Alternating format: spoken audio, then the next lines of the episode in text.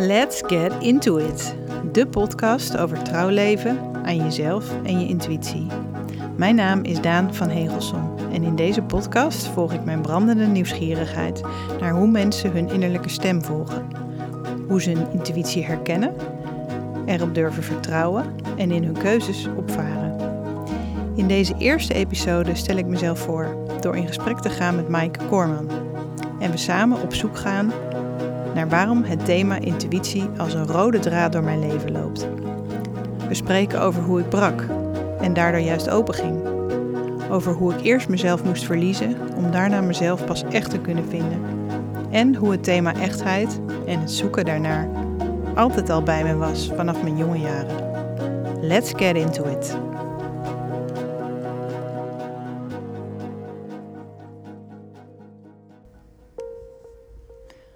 Mike en ik spreken elkaar in mijn anti-kraakstudio in Amsterdam-West. Een hele grote ruimte waarin ik een hoge open tent heb gebouwd.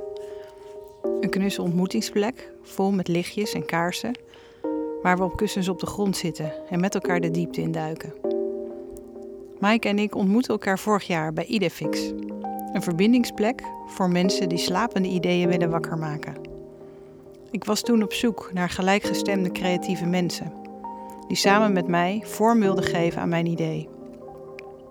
Hoe het leven vanuit je intuïtie tastbaar, voelbaar en middels het delen van hele persoonlijke, open verhalen de wereld in te brengen. Zodat anderen zich daarin kunnen herkennen en geïnspireerd kunnen raken om ook trouwer aan zichzelf te leven. Maaike gaf toen aan honger te hebben naar beelden met een ziel. Die woorden raakten mij en maakten me nieuwsgierig naar haar en naar een ontmoeting. Tijdens onze eerste wandeling door de Jordaan bleken we vele parallellen in levenservaringen te hebben. Beide op zoek naar een leven vanuit authenticiteit en aangetrokken tot het thema intuïtie en dan vooral hoe je daar vorm aan kunt geven in je dagelijks leven. Als luisteraar duik je gelijk ons gesprek in, waarin we verkennen hoe ik hiertoe gekomen ben en daarmee met jou mijn eigen verhaal wil delen.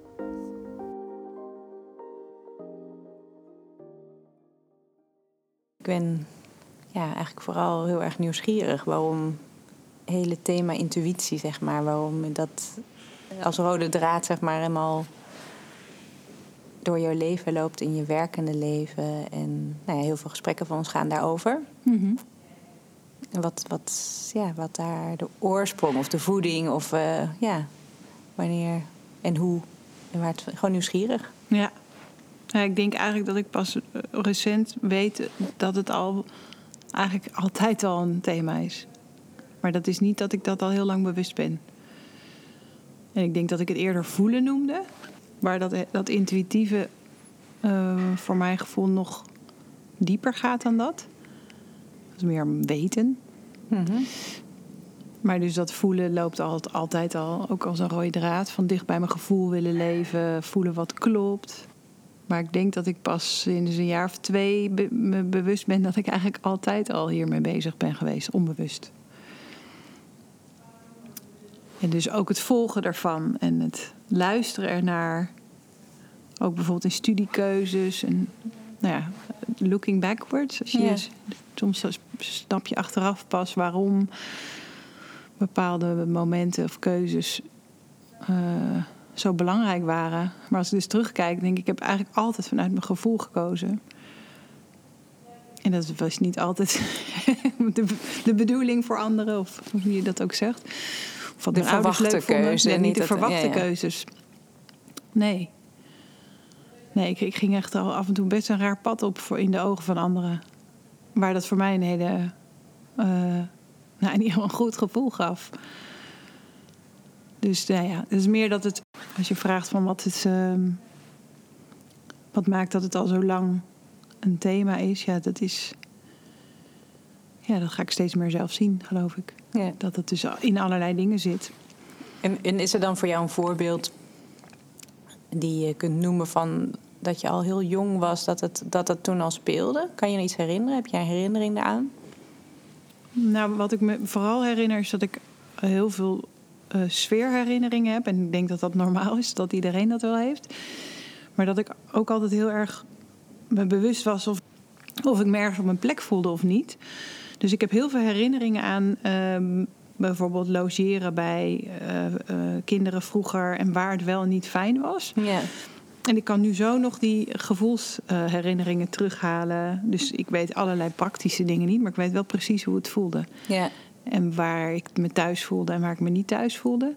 Dus ja, dat, dat voelend dingen benaderen en dan de sensing van hoe is het hier. En nou, ik denk toch vooral ook wel hoe mensen met elkaar omgaan. Ja. Daar ben ik altijd heel gevoelig voor geweest. Ja. Of dat eh, echt voelde voor mij. Ja. Dus ja, het, het thema is ook heel erg verbonden met echtheid. En echt is voor mij transparant. Dus, de, ja, dus dat, dat mensen open durven zijn en, en hun binnenwereld durven delen. Ja. Of in ieder geval Het laten zien. ja, Ja. het laten zien. Het delen. Ja. Dus plekken waar dingen bedekt zijn of waar ik van alles voel wat niet eh, uitgesproken wordt. Of dat vind ik altijd heel lastig. Of plekken waar be- dingen bedekt worden of meer maskers zijn. Dus werelden waarin gewoon meer eh, ja, bedekking ook is. Dat vind ik heel lastig. En dat vond ik vroeger dus ook al. Dus ik kan me inderdaad nog levendig allemaal dingen herinneren waar ik heb veel gelogeerd. Ja.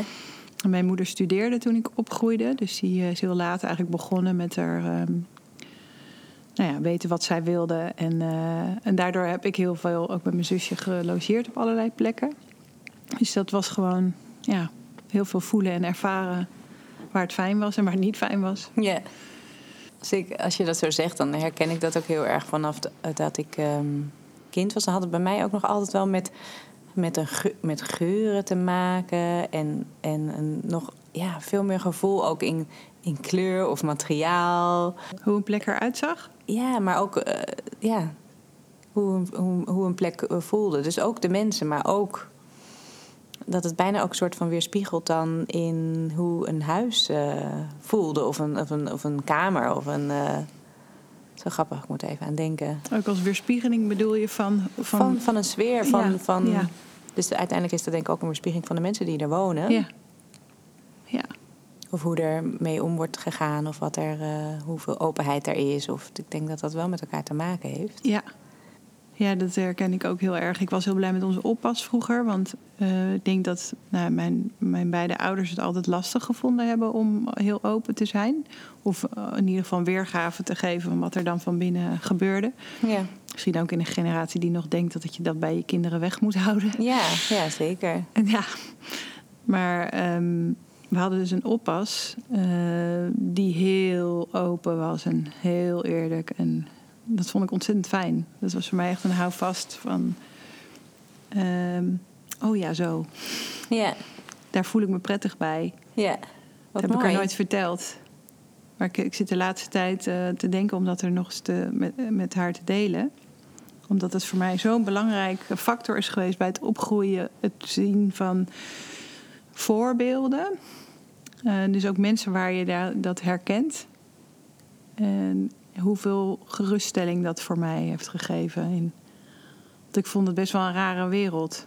Ja, Ik heb ook echt wel heel veel herinneringen aan. ehm, nou, op school bijvoorbeeld het gevoel van er niet echt bij horen of niet echt. Nou, ik denk dat dat niet per se is, maar meer de geen aansluiting echt voelen. En aan de buitenkant zou niemand dat zeggen, of maar het had ik gewoon wel vriendjes en vriendinnetjes. Maar het diep van binnen voelen of je echt aangesloten bent, dat heb, dat heb ik heel lang niet gehad. Hmm. Eh, dus ik ben altijd wel op zoek geweest naar eh, mensen die nou, daarin denk ik iets lieten zien waar, ja, wat voor mij belangrijk was. En dat gaat heel erg inderdaad over echtheid en open zijn en dicht bij jezelf leven. Mm, ja, gewoon een hele authentieke versie. ja. Eh, en daar was ik denk ik al heel jong al gevoelig voor. Ja. Ik kan me voor mezelf nog herinneren dat het best wel ook heel verwarrend kon zijn als kind. Op wat voor manier? Nou ja, dat je. Dat er. ehm, dat je dingen voelde die dan niet werden uitgesproken. Of die, eh, waarvan het tegen, eh, het tegenovergestelde werd uitgesproken. Of dat ik eh, vaak heel erg in verwarring was van... Hé, hoe werkt dit dan? Of hoe zit dat dan? En Ehm, ja. En dat ik daardoor ook wel heel erg veel aan het testen was eigenlijk. Maar ik, En hoe testte je dat? ja, door te, door te kijken wat dan de reactie was. Om, t- om, t- om mensen te kunnen plaatsen. Of een ehm, soort beter beeld te krijgen van hoe het dan werkelijk zit. Ja. Dus bij mij zat er wel dan ook een beetje rebellieachtig eh, onder. Ja. Maar als jij zegt van oh, met, met kind dat je niet echt aansluiting dan voelde. Wat was jouw reactie daarop? Wat, Goeie vraag. Nou, niet rebellie, dat weet ik wel. ik denk toch eh, het ver- verder kijken of, en ook wel terugtrekken in mijn eigen wereld. ja. Dus ik kan me ook echt wel een hele eigen wereld herinneren, waarin ik me dan wel eh, prettig voelde. Dus ik heb heel veel beelden van eh, in mijn eentje achter het houtschuurtje in de tuin. Dan zo'n houtschuurtje. En er was net een, een plekje achter waar je dan zo beschut kon zitten. En dat is echt een jeugdherinnering die nog heel vaak terugkomt.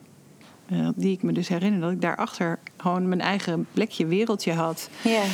Ehm, en achter mijn bed, ik had een, ehm, een bedstee met een, een soort ja, hol erachter. En daar kon je inkruipen. Dat was eigenlijk een kruipruimte. En dat, die ruimte, daar wisten mijn ouders volgens mij niet eens van dat ik daarin kon. Oh, gaaf. ja, daar, daar had ik gewoon een heel eh, holletje gemaakt. Met, eh, daar teken ik ook op de muur. Dus ik herinner me dat ik daar allemaal dingen ja, getekend heb. Op het plafond en de muren waar mijn ouders dus niks van afwisten. Ehm, en dat was gewoon een heel veilig plekje. Eigenlijk ook weer een soort hutje of een tentje. Ja, eigenlijk ook. En inderdaad een veilige plek. En, dus ik herinner me wel, ja, toch ook wel best een... Ik had ook heel veel neiging om hutten te bouwen. Ja. Dus dat, dat is ook weer zo eh, eigen plek zoeken. Ja. Dus ik denk dat ik me meer terugtrok in mijn eigen wereld. Ja. En dat ik het een beetje opgaf eh, eerder.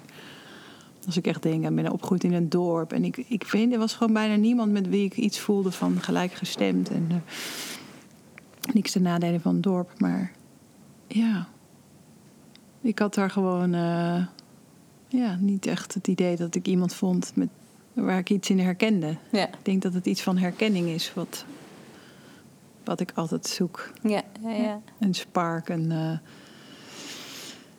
ja, en daarin heb ik wel altijd gezien dat ik wel, wel een beetje op mensen val... die dan een bepaalde eigenheid hebben of iets creëren. Dat, dat heb ik ook al heel vroeg gehad. Dat ik dan... Ja, plekken waar dingen gemaakt worden, kunstenaars. Hè, dat is natuurlijk toch wel een vorm van eigenheid. ja. Dat trok me altijd wel. Mooi. Ja. Ik vind het dan ook heel mooi om te horen dat dat eigenlijk dat, dat terugtrekken en in je eigen fantasiewereld, dat dat eigenlijk ook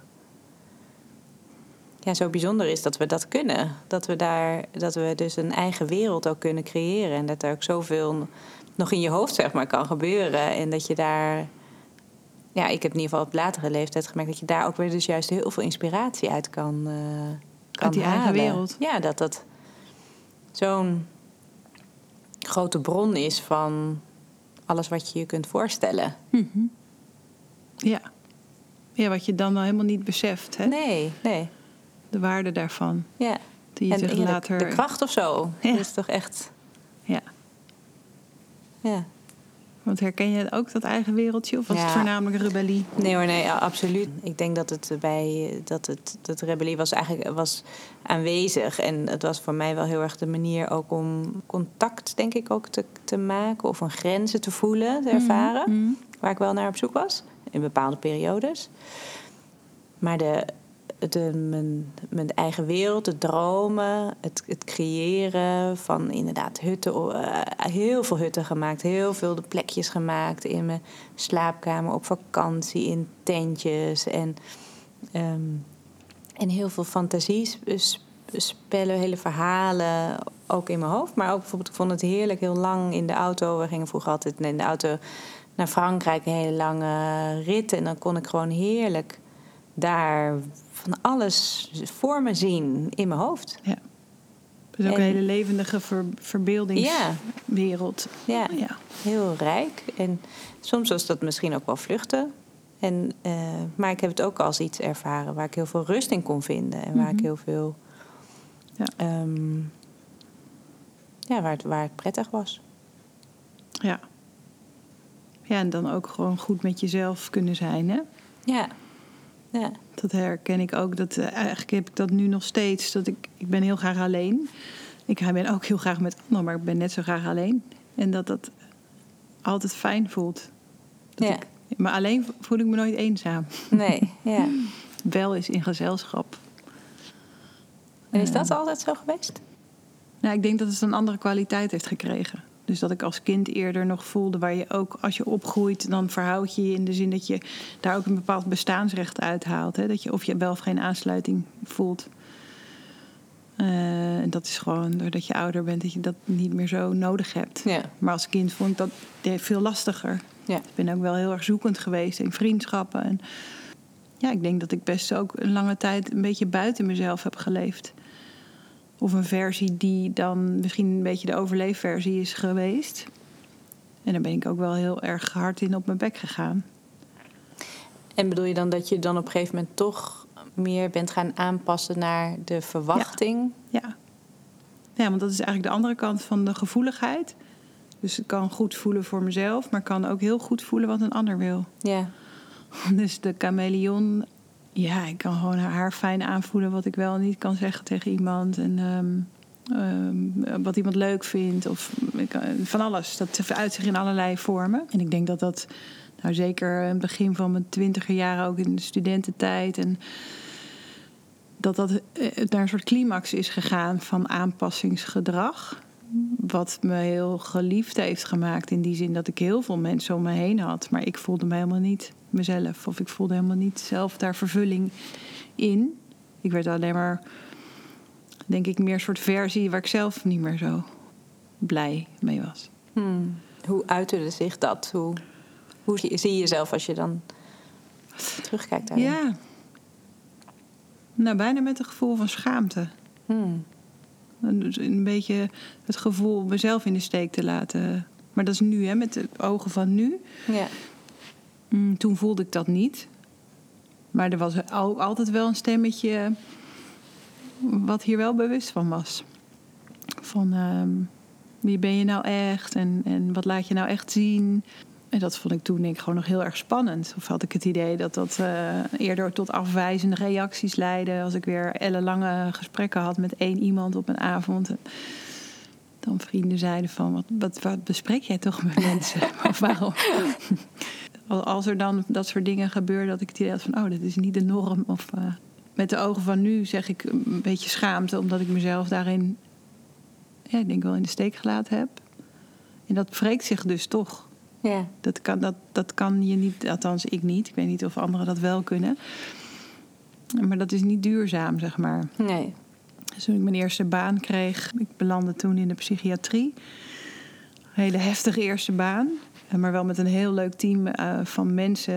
eh, waardoor ik het ook echt heel erg naar mijn zin heb gehad. Maar dat ging vooral over die leuke connecties. eh. maar toen was ik nog die versie die zich zo goed kon, kon adapteren, zeg maar. Ja. En dat was gewoon niet houdbaar. Dus ik ben toen echt ook heel op eigenlijk een hele jonge leeftijd, want volgens mij was ik een jaar of 6, 27, Ja. ben ik gewoon heel erg overspannen geraakt van, nou ja, letterlijk die spanning van de- niet echt mezelf zijn. Ja. Dus dat, ja, dat heeft gewoon een enorme clash eh, opgeleverd in mij, Ja. waarin het gewoon niet anders meer kon dan dat ik eh, een andere beweging moest maken. Ja. En dat vond ik toen heel moeilijk. Ik heb me daar ontzettend tegen verzet. Ja. Tegen die, eh, die knal, zeg maar. En tegen dat... Voelde je dat het, dat het eraan ging komen? Voelde je dat Ja. het... Ik voelde dat het eraan zat te komen, maar de, de weerstand was zo groot. Om te vallen, zeg maar. Want ik heb ook een vrij pittige eh, wilskracht. dus ik, ik ga dan door. Ja. Ja, opgeven, falen, nou ja, dat, al die dingen die je liever vermijdt, zeg maar. Dat, dat was toen heel erg aan de orde. Want ik, ik had eigenlijk allerlei stressklachten. Ja. Dus mijn lichaam ging vooral heel erg roepen. Ja. Dus ik merkte gewoon heel erg aan mijn lijf dat ik steeds vaster letterlijk ging zitten. En, en ik trilde af en toe. ehm, eh, dus de- er gebeurde van alles in mijn lijf. Wat eigenlijk al aangaf van, eh, ja, dit, klopt stop. niet. Ja, ho, stop. Daan, wat doe je? Ja. Ja. Ja, en er waren ook anderen om me heen die bezorgd waren, herinner ik me ook. Die dan vroegen van, hoe gaat het wel met je? Ja. En dat ik vrij lang heb volgehouden dat het wel ging. Ja. Ik durfde dat heel moeilijk toe te geven. En waar voelde je dan als je zegt van nou, ik voelde het ergens ook wel aankomen? Of, hè, dat je dus ook ergens er bewust van bent dat het die knal, hoe je het zelf noemt, maar waar Ja. voelde je dat dan? Is dat een voelen? Is dat een. Ja, dat is gewoon een weten. Is dat, ja. Bij mij is dat een weten van het klopt eigenlijk niet. Wat je ook op andere manieren kunt voelen als je in een relatie zit die niet voor je klopt. Of, hè, dus er zijn natuurlijk eh, verschillende manieren waar zich dat in kan uiten. Maar dit was gewoon. eh, ik wil gewoon niet voor me, aan mezelf toegeven dat, het, dat ik zelf had gecreëerd wat niet klopte. ja. Misschien is dat wel de, de. Ja, misschien ook wel op een bepaalde manier de diepste spiegel of zo waar je in kunt kijken. Als je gewoon naar jezelf kijkt en ergens weet: dit- is niet wie ik echt ben. Ja, en, en anderen gingen dat ook dus wel zien. En die feedback eh, van gaat het wel? Eh, zou je niet eh, meer, meer rust nemen? Vertel nou eens wat het, hoe het echt met je gaat. Ja, dat vond ik heel lastig.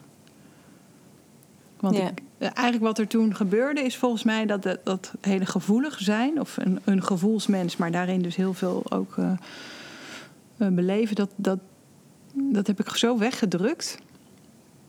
Omdat ik het gewoon heel lastig vond om mee om te gaan. Dat dat in één keer een, een weg zocht. ja. Dus het- ik heb dat moment dat ik echt maar ook echt heel ziek werd. Ik heb toen hele heftige paniekaanvallen ook gekregen. Dat heb ik ervaren als dat ik openbrak. Dus dat ik voelde dat ik uit elkaar viel. Het Ja. voelde echt alsof ik in stukjes, als het een, eh, een theepot zou zijn, alsof die in stukjes, in scherven zeg maar, zo uit elkaar viel. Ja. Maar daartussen brak ook licht door. ja. Het was een hele gekke combi. Want ik voelde me heel slecht. En ik voelde me dichter bij mezelf dan ooit. Dus dat herinner ik me nog heel goed. Dat, Wauw. dat in die paniek... Want ik ben op een gegeven moment ook op vakantie gegaan... en in die periode dat het heel slecht ging. En ik herinner me nog een moment dat ik in de auto zat... en iemand anders reed de auto. Dus ik, ik kon dat helemaal niet zelf op dat moment. Maar dat ik, ik wist dat er weer een angstaanval aan ging komen. Dus daar was ik iedere keer op voorbereid... dat er weer angst en paniek zou komen. Ja. Ehm, maar binnen dat de bang zijn, zeg maar, waren mijn zintuigen echt zo open. Ja. Dus ik herinner me dat we in die auto zaten in Frankrijk en dat ik zonnebloemvelden zag en dat ik alsof ik ze nog nooit zo intens had Alle gezien. kleuren, het licht, kleuren, alles. het Ja. licht, alles. En het, het was zo mooi. En dat ik ook zei, stop, we gaan nu uit de auto. En ik moest naar die zonnebloemen toe. Om er doorheen te rennen en te voelen. En Het is zo fantastisch. Ik zie je echt zo helemaal... je ogen springen dan helemaal aan als je het vertelt. Ja, maar dat was zo'n rare combi van, Ja. ja, van krachten. Ja. Van breken en opengaan tegelijk. Want ik heb daar hele goede herinneringen aan. Dus eh, even niet aan het angststuk, maar wel aan het stuk dat je zo diep kunt voelen wat je. eh, Dat herken je misschien ook wel als je een kind hebt gekregen. Dan is dat ook zo. Dan, dan dat je zintuigen zo open zijn. Voor geur, smaak, alles. eh, licht. Ja. Ik heb dat zelf bij heel veel ja, een soort essentiële dingen in het leven. Dus als er iemand doodgaat, heb ik dat bijvoorbeeld ook. Ja. En, eh, inderdaad bij geboorte. En, maar dat, het dus ook, dat ik het ook ergens fascinerend vind dat het dus zo dicht bij elkaar kan liggen. Ja. De, de donkerte en de angst en het licht Ja. en de schoonheid. ja, dat is heel wonderlijk inderdaad. En dat het, dat het lijkt, ja, dat, het, dat je dan. Dat alles dan nog meer binnen kan komen. Alsof alles nog veel zuiverder, puurder, kleurrijker is. Ja. En daar ben ik wel nieuwsgierig naar hoe dat dan hoe dat werkt. Dat Ja, het- ik ook. Ik, daar kan ik geen antwoord op. Ik kan alleen maar uit deze ervaring ja, doorleefd zeg maar, zeggen dat dat inderdaad bij elkaar ja. hoorde. En dat het ook echt iets heel magisch had. ja. En, En dat eh, herkende je dus toen ook al. Dat het is niet dat je achteraf zegt met terugwerkende kracht dat het magisch was. Je dat ervaarde je toen ook wel. Ja, ik geloof wel dat ik dat toen. Dat had een bepaalde. eh, nou, bijna als drugs of zo. Ja. Eh, het, alsof al mijn ervaringen zich zo verdiepten. Dat het, ja, dat had een bepaalde kwaliteit die gewoon, waar ik nu nog wel eens heimwee naar. Ja, ja, De heimwee van de, ja, de diepte van die ervaringen. ja. Ik dacht, wow. Alsof ik toen echt zag en echt rook en echt proefde. Echt aanstond, Ja, maar, open stond. ja, maar ook dus zo dichtbij. Want ik dacht in die tijd, heb ik best wel vaak gedacht dat ik dood ging. Want die paniek, dat wist ik in het begin niet dat dat eh, een paniekaanval kan voelen alsof je doodgaat. Ja, Dus het voelde letterlijk alsof ik bij een, in een heel, eh, een, een, een heel essentieel stukje zat. Waar, Ja. waar die twee dingen inderdaad ja, gewoon heel dicht bij elkaar waren. Het gevoel dood te gaan en daar en het leven zo erg te het voelen. leven gewoon vol binnen te voelen komen. ja, ja, ja. Ja, dus dat is wel een heel belangrijk keerpunt geweest. Toch ook daarmee, of werd het daardoor meteen duidelijk ook wat je anders wilde gaan doen? Of waarin je iets te veranderen had, of waarin je op zoek moest gaan? Of was het gelijk voor jou duidelijk? Nou, ik wist in ieder geval dat ik op een mega belangrijk kantelpunt in mijn leven was gekomen, waar Ja. ik niet meer terug kon. Ja, Dus ik was gewoon door die trechter heen. ja, Ik heb het wel eens beschreven als Alice in Wonderland. Dus dat moment dat zij in die put valt, ja, zo voelde het. ja, Ik geen enkel houvast meer had. Want ja, ik, ik wist niet hoeveel angstaanvallen ik op een dag had. Ik moest er vooral, het enige wat hielp was overgeven daaraan. ja. En dan ging het het, snelste weg. Dus hoe meer ik me verzette, hoe langer het bleef. Dus ik voelde me alsof ik in een gat viel. Met dan onderweg hele wonderlijke dingen die daar dan eh, ook waren. Ook een beetje Alice in Wonderland. Ja, ook een beetje Alice in Wonderland. Maar ik wist ook dat ik nooit meer terug naar boven ging klimmen. Nee, Dus ik was wel echt, daarom noem ik het een trechter. Het voelde alsof ik door een trechter heen was. Maar ik wist nog niet precies wat de andere kant voor mij in petto had. nee, Ik wist wel dat het, ja, dat het goed was dat het was gebeurd. ja, Maar dat vond ik toen niet hoor. Maar dat weet ik nu wel. ja. Ja. Alsof ik, voelde Hoe me soort dan? uitgekleed. Dat het toen, als je het nu zegt, nu zeg je van ja, dat was goed. Maar hoe voelde het toen? Wat, Als falen. ja, Ja. Ik had een diep gevoel van falen. Ik kan het niet. Ik kan niet in. Nou, ook wel een beetje als ik het heel groot maak van. Ik kan niet in deze wereld.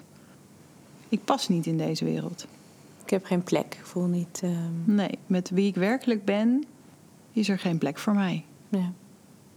En dat maakte ik toen heel groot, omdat ik dus dat faalgevoel in die baan had die ik helemaal niet kon. Waar ik achteraf ben gaan zien dat ik niet op mijn plek was. Ja, Maar toen voelde ik gewoon aan alles dat ik faalde. Waar ik het idee had van, want allerlei mensen om mij heen... die waren in de opbouw van hun leven, die gingen allemaal mooie dingen doen. En dat ik het idee had, ik struikel gelijk heel hard. En niet een beetje, maar echt mega. ja, Dus dat was het eerste gevoel wat overheerste. Dat ik, ja, dat ik denk ik ook wel door de bril van anderen zag... dat, ik het, dat het mij niet lukte. ja. Ja, toch weer die bril van anderen. Jezelf echt bekijken door wat er wordt verwacht. Ja, Ja, ja terwijl waarvan je denkt dat het wordt verwacht. Is, Ja, dat is precies. natuurlijk Dat niet is- de verwachting. Nee, dat is allemaal in je eigen hoofd. Ja, Want ik herinner me dat ik toen die vakantie in Frankrijk... was ik met vijf jeugdvriendinnen die mij echt al heel lang kennen. ja. Ehm, klinkt heerlijk. ja, het was heel fijn, waren op een hele mooie plek. Wat ik me het meest herinner van die vakantie is dat ik zo... Ik voelde me heel naakt en kwetsbaar. Omdat ik daar gewoon middenin zat. En ik heb meer connectie dan ooit ervaren, ook met hen. Ja, Wat super fijn was. En we hebben het nog steeds over dat dat de vakantie met een gouden randje was. ja, Waarin we zulke mooie open gesprekken met elkaar hebben gehad. En zij me gewoon helemaal lieten als zij naar de markt gingen. En ik zei, ik durf niet mee, want ik eh, durfde helemaal nergens naartoe. En zeker waar veel mensen waren. ja. Alles was oké. Dus ik voelde me door de zeg maar, mensen die heel dichtbij me stonden helemaal niet beoordeeld. Nee, ja. Dus dat was ook voor mij een hele mooie ervaring om te voelen van... ja, de mensen die er werkelijk toe doen, die accepteren je no matter what. Ja, Ook als je naakt en kwetsbaar bent. Of juist.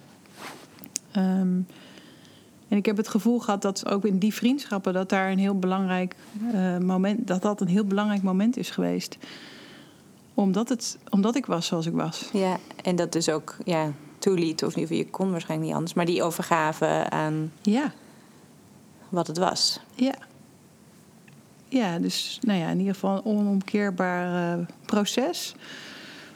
Mm, waar ik achteraf van denk van dat, ja, dat moest gebeuren.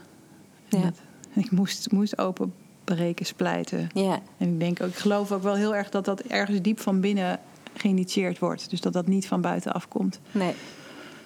Maar dat ja, mijn diepste zelf daarvoor zorgt dat ik ook kon openbreken. Mooi is dat. hè. Dat is, dat is zo magisch toch eigenlijk, als je dat bedenkt. Ja, ik denk wel dat dat ook is waarom we hier zijn. Dat je dus die, die, de herinnering aan wie je werkelijk bent, dat je daar eigenlijk ja, niet omheen kan. En dat werkelijke vervulling in je leven ook eh, plaatsvindt als je dat durft toe te laten. Ja, In plaats van maar vechten tegen een soort van versie van jezelf. Die je eigenlijk. eh, wat niet past. nee. Nee. Dus ja. En welke, welke stappen ben je toen gaan nemen? Of hoe ben je, ben je een- je pad zeg maar ge- vervolgd? Of welke, welke vragen had je? Of hoe ben je daarmee verder gegaan? Het enige wat ik toen kon, was beelden maken. Die, die fantasiewereld waar we het over hadden, die er altijd al was, die zocht heel erg naar uiting. Dus ik ben heel veel gaan schilderen. Ja, Eh, gewoon wat er opkwam.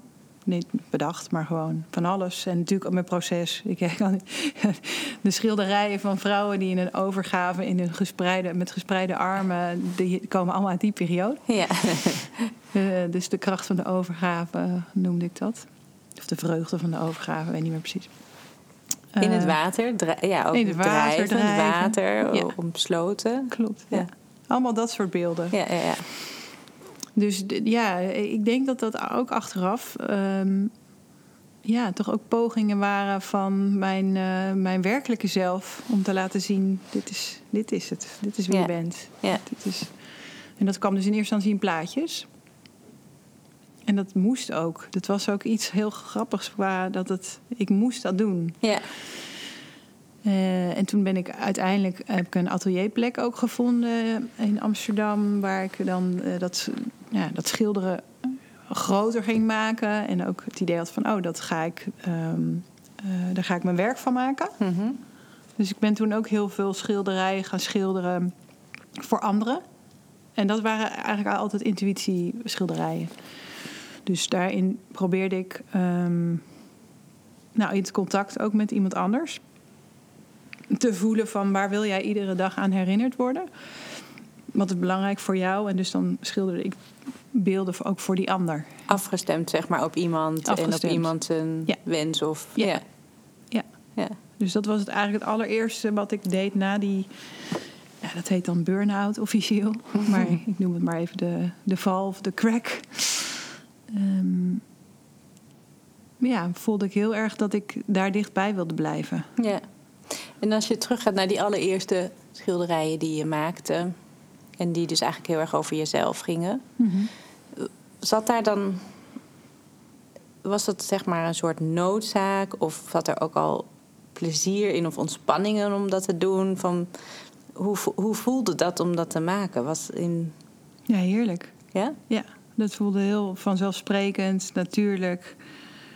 En eh, niemand hoefde daar wat van te vinden. Dat waren gewoon mijn creaties. En, Ja. eh, en natuurlijk komen daar later mensen bij die daar wat van vinden. Maar op dat moment was het heel erg als een stroom die... alsof ik weer mezelf gewoon probeerde uit te drukken daarin. Dus ook het vinden van mezelf ontstond voor mijn gevoel heel erg in dat creatieve proces. Door open te zijn, afgestemd, maar ook me te laten inspireren en dingen te zien dat ik voelde, oh ja, dat wil ik maken. Dus dat, ja, dat is eigenlijk heel erg een innerlijke beleving telkens.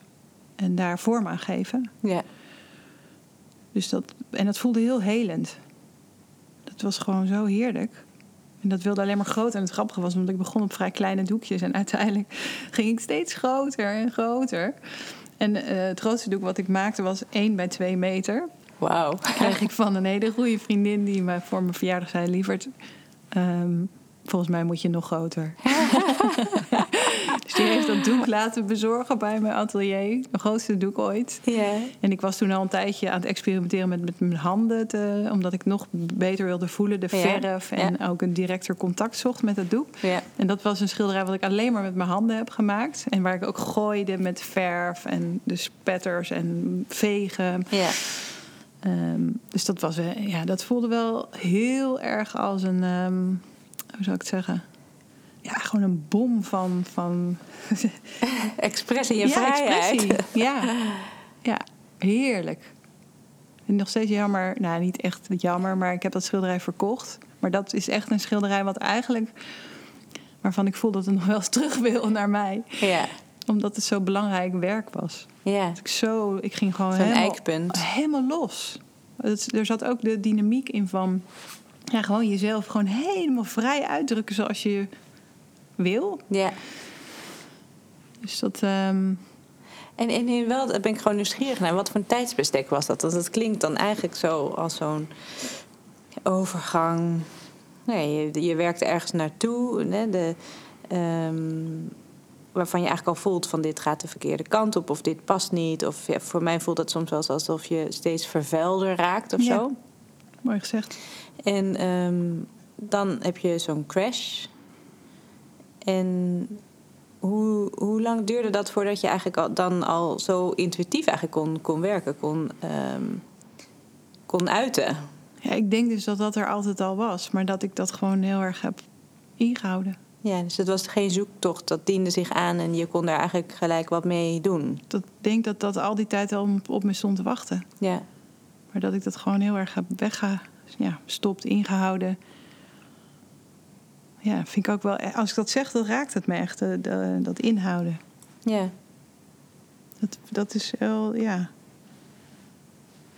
Dat is eigenlijk iets, iets, best iets naars doen naar jezelf. ja, Daarom raakt het me, denk ik. Van, dit was er altijd. Die, die fantasiewereld, die creativiteit. En dat, ja, dat heb ik gewoon de hele tijd lang heel ver in mezelf verstopt. Totdat het niet anders meer kon. En toen kwam het er echt gewoon met bakken uit. Hè? Dus het, ja, dat was gewoon... het moest eruit. Ja, Ja, ja, dus dat, ik denk dat dat een heel helend eh, proces is geweest. Want ik ben uiteindelijk niet blijven schilderen. Dat was ook op een gegeven moment wel een beetje klaar. ja, En dat was ook helemaal goed dat het klaar was. Alsof het zijn functie had gehad en zocht het weer naar nieuwe vormen. Dus het was niet dat je je daar dan aan vast... Weet je, dat, dat kan ik me ook voorstellen. Dan heb je iets gevonden waar je dan heel blij mee bent. En wat je heel lekker in een flow geeft. En waar mensen dus op reageren. Ik bedoel, je had werk zelfs verkocht. En, Ja.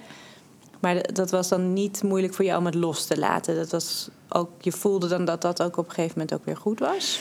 Ja, ik, ja, ik heb eh, allerlei dingen wel gedaan in mijn leven. En soms voelt het dan ineens ook van, oh, dit is genoeg geweest. Ja, Ehm, terwijl die vorm ook wel fijn was. Ik vond het het lastigste als ik... Ik had dan, werkte ook in opdracht dus af en toe. Als, hoe meer het, eh, mensen het mij wilden vormen... dus mij wilden zeggen wat ik moest doen... haakte ik af. Dus ik merkte van er zijn maar weinig mensen die echt gewoon, ja, dan mij totaal mijn eigen ding lieten doen. En tuurlijk had ik daarmee verder kunnen gaan en was dat ook een heel, denk ik, wonderlijke weg geweest. Maar ik Ja. raakte zwanger op een gegeven moment van mijn eerste kind. ja. En dat deed ook mee. Ja. Dus het, het mezelf de ruimte geven om daar helemaal in door te gaan.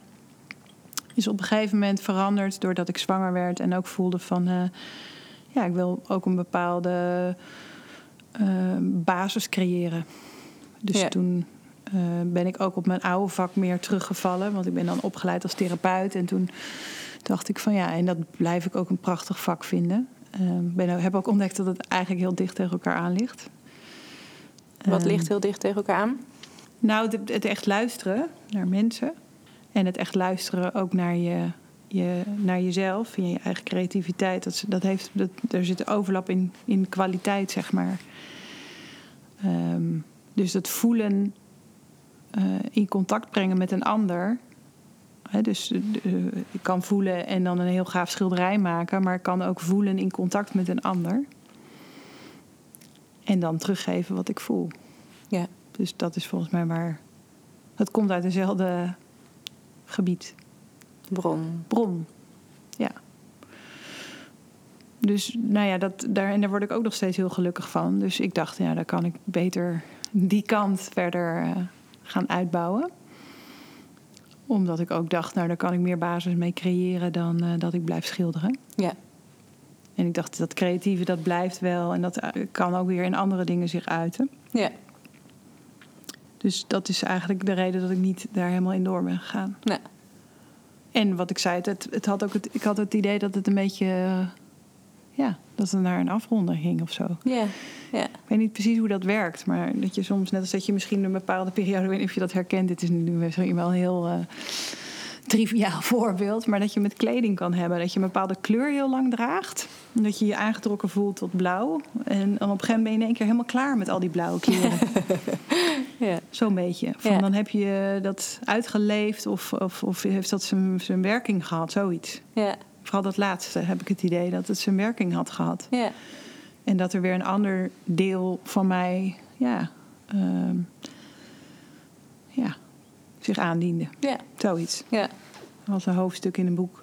Ja, het voelt ook weer als een hele intuïtieve manier. Om, hè? om ook afscheid hoort daar ook een soort van bij. Of even iets weer rust, te laten rusten. Of, ehm, Ja, en ik denk nu we het erover hebben dat ik vooral heel erg verlangde om weer in de wereld te, te komen. En Ah, ja. ik was in dat atelier was eh, net als deze tent, ja, was een hele veilige wereld voor mij, waarin ik alleen maar met eigenlijk vooral met mezelf bezig was. ja, En met mijn eigen binnenwereld uitdrukken. ja, Maar er was volgens mij eh, onbewust ook een verlangen om dat weer groter te maken en in contact met anderen te brengen. ja, Dus datgene wat ik had ontdekt in, hè, zeg maar, in die burn-out fase, eh, die, ja, dat wilde ook weer. En die heling ja, eigenlijk daarna. Ja, Ja, dat wilde ook heel graag weer naar anderen toe. ja, Dus ik denk dat dat ook een reden is geweest om, eh, ja, om ook weer iets anders te, te willen. Dus naast het, het zwanger zijn. ja, Ja.